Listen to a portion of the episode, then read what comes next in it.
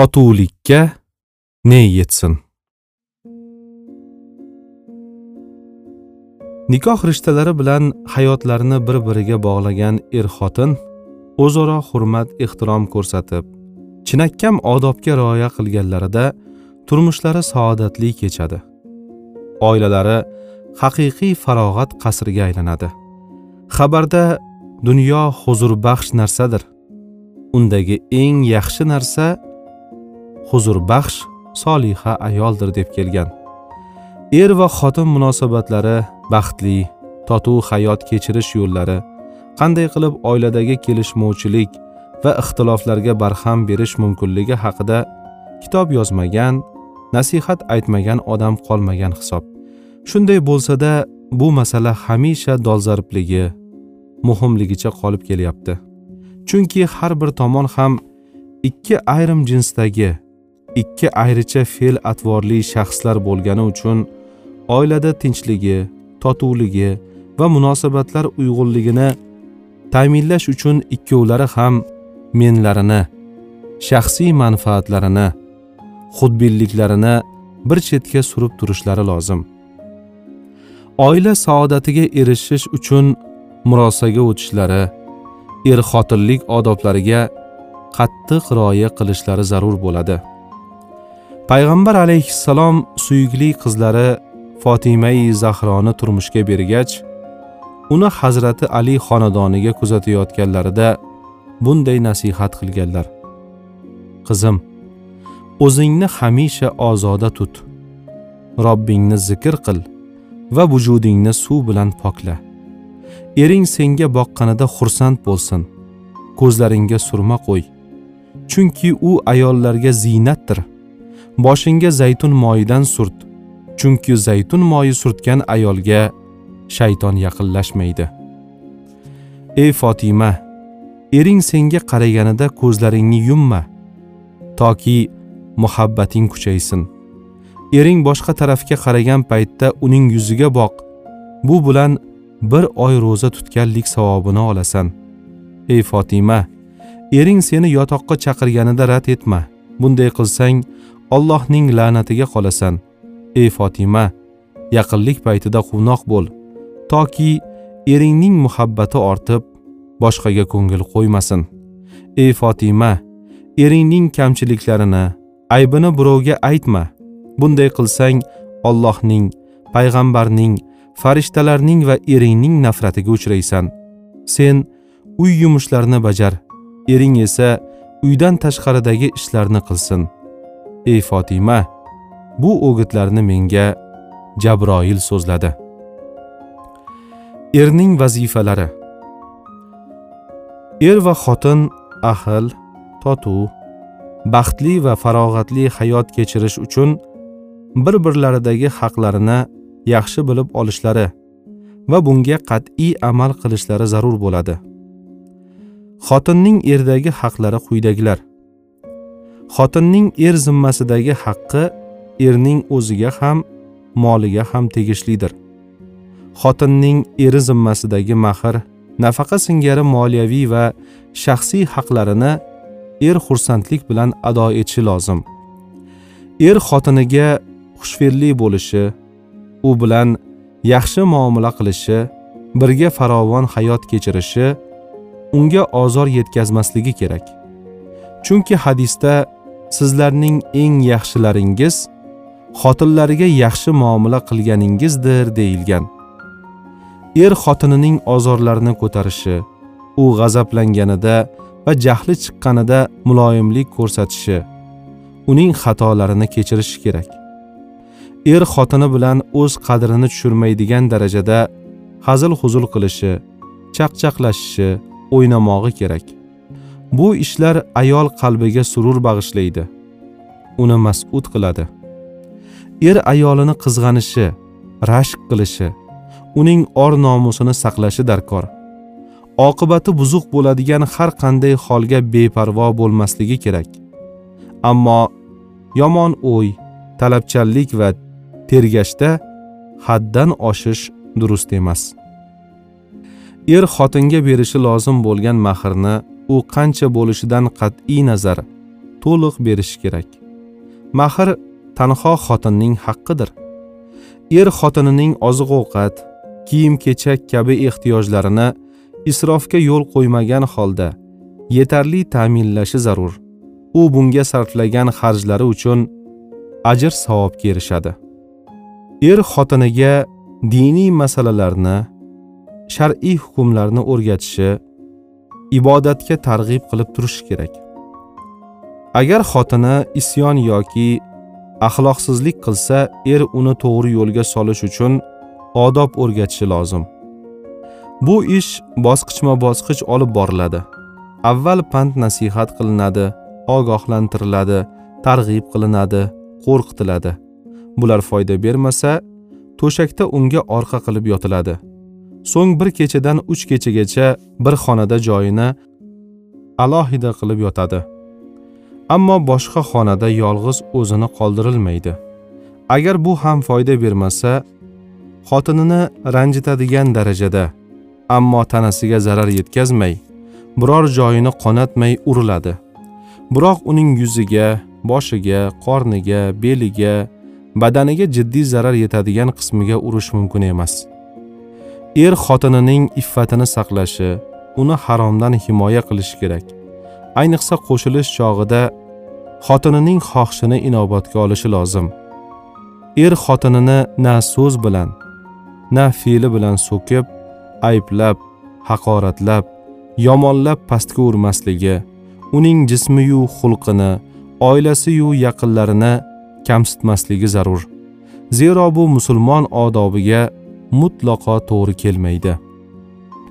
Er xotinini yaxshi ko'rsa uni hurmatlashi qadrlashi yomon ko'rsa zulm qilmasligi lozim.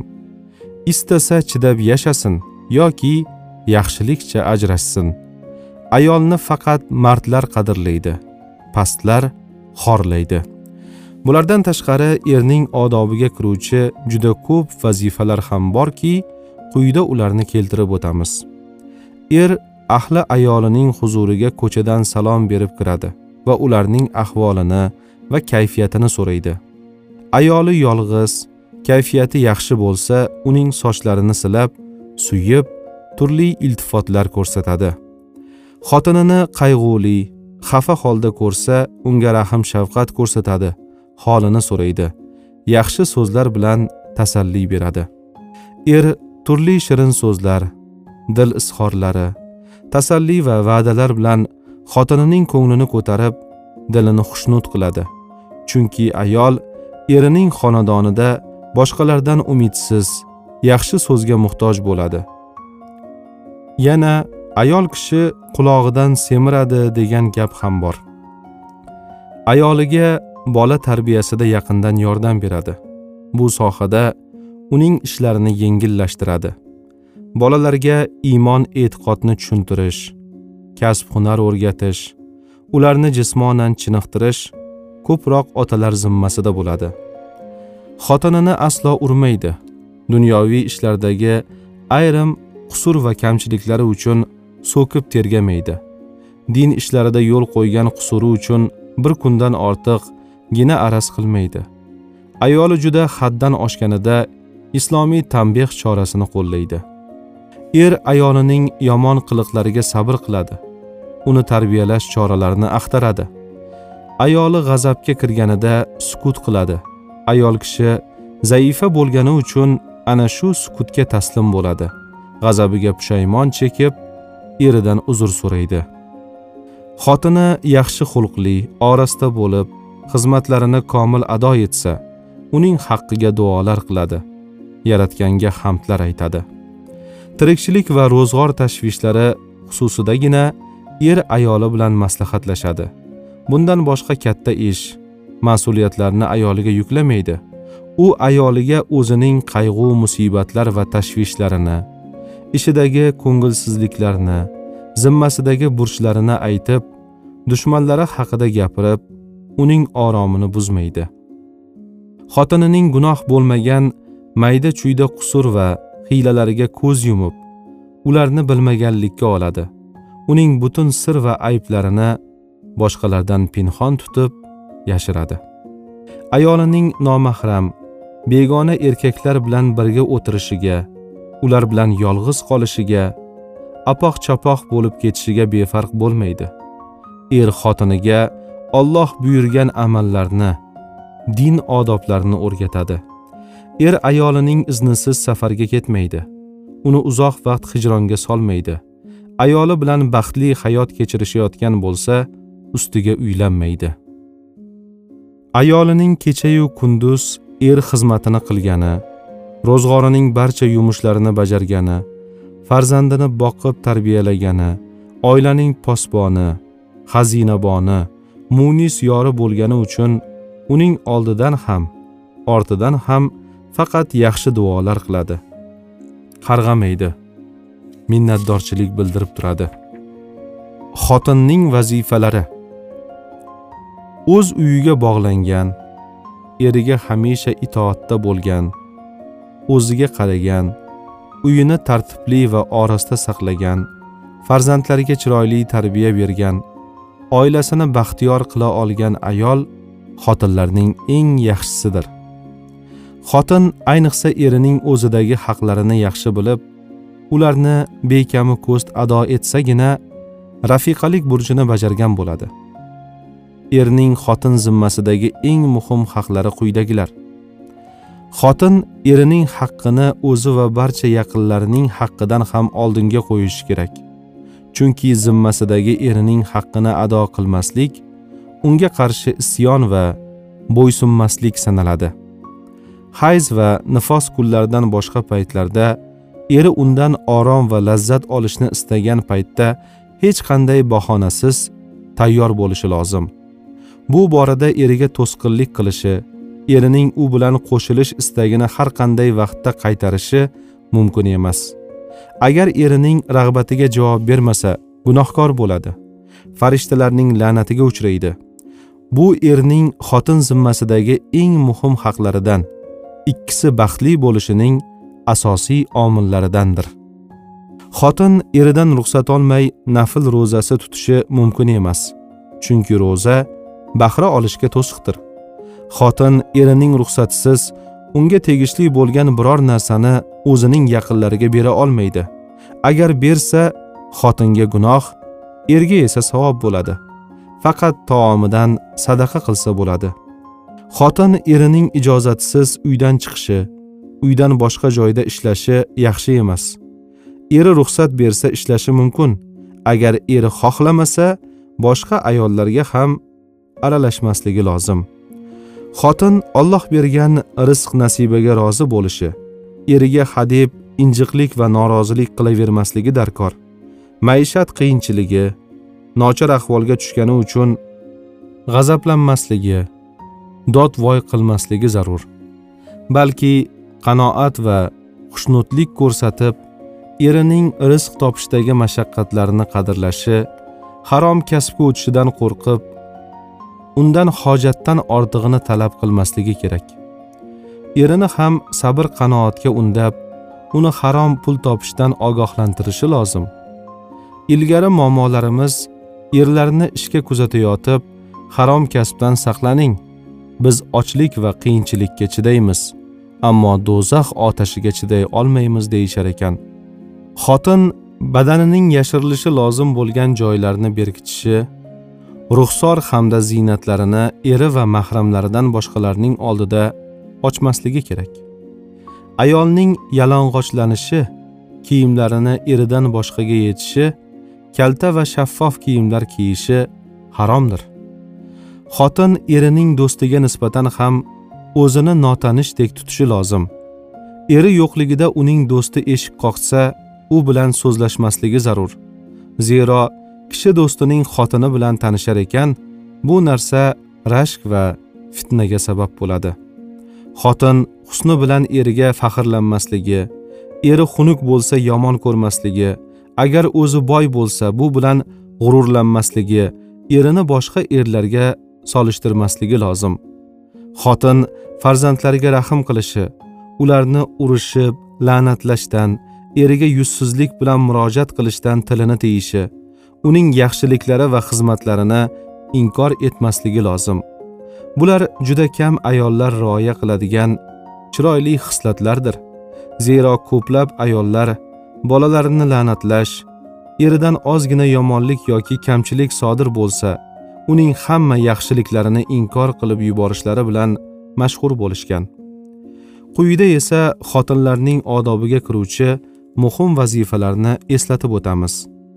Er uyga kirib kelganida xotin uni o'rnidan turib ochiq yuz va tabassum bilan marhabo xush keldingiz begim afandim xo'jayin dadasi kabi so'zlar bilan qarshi oladi.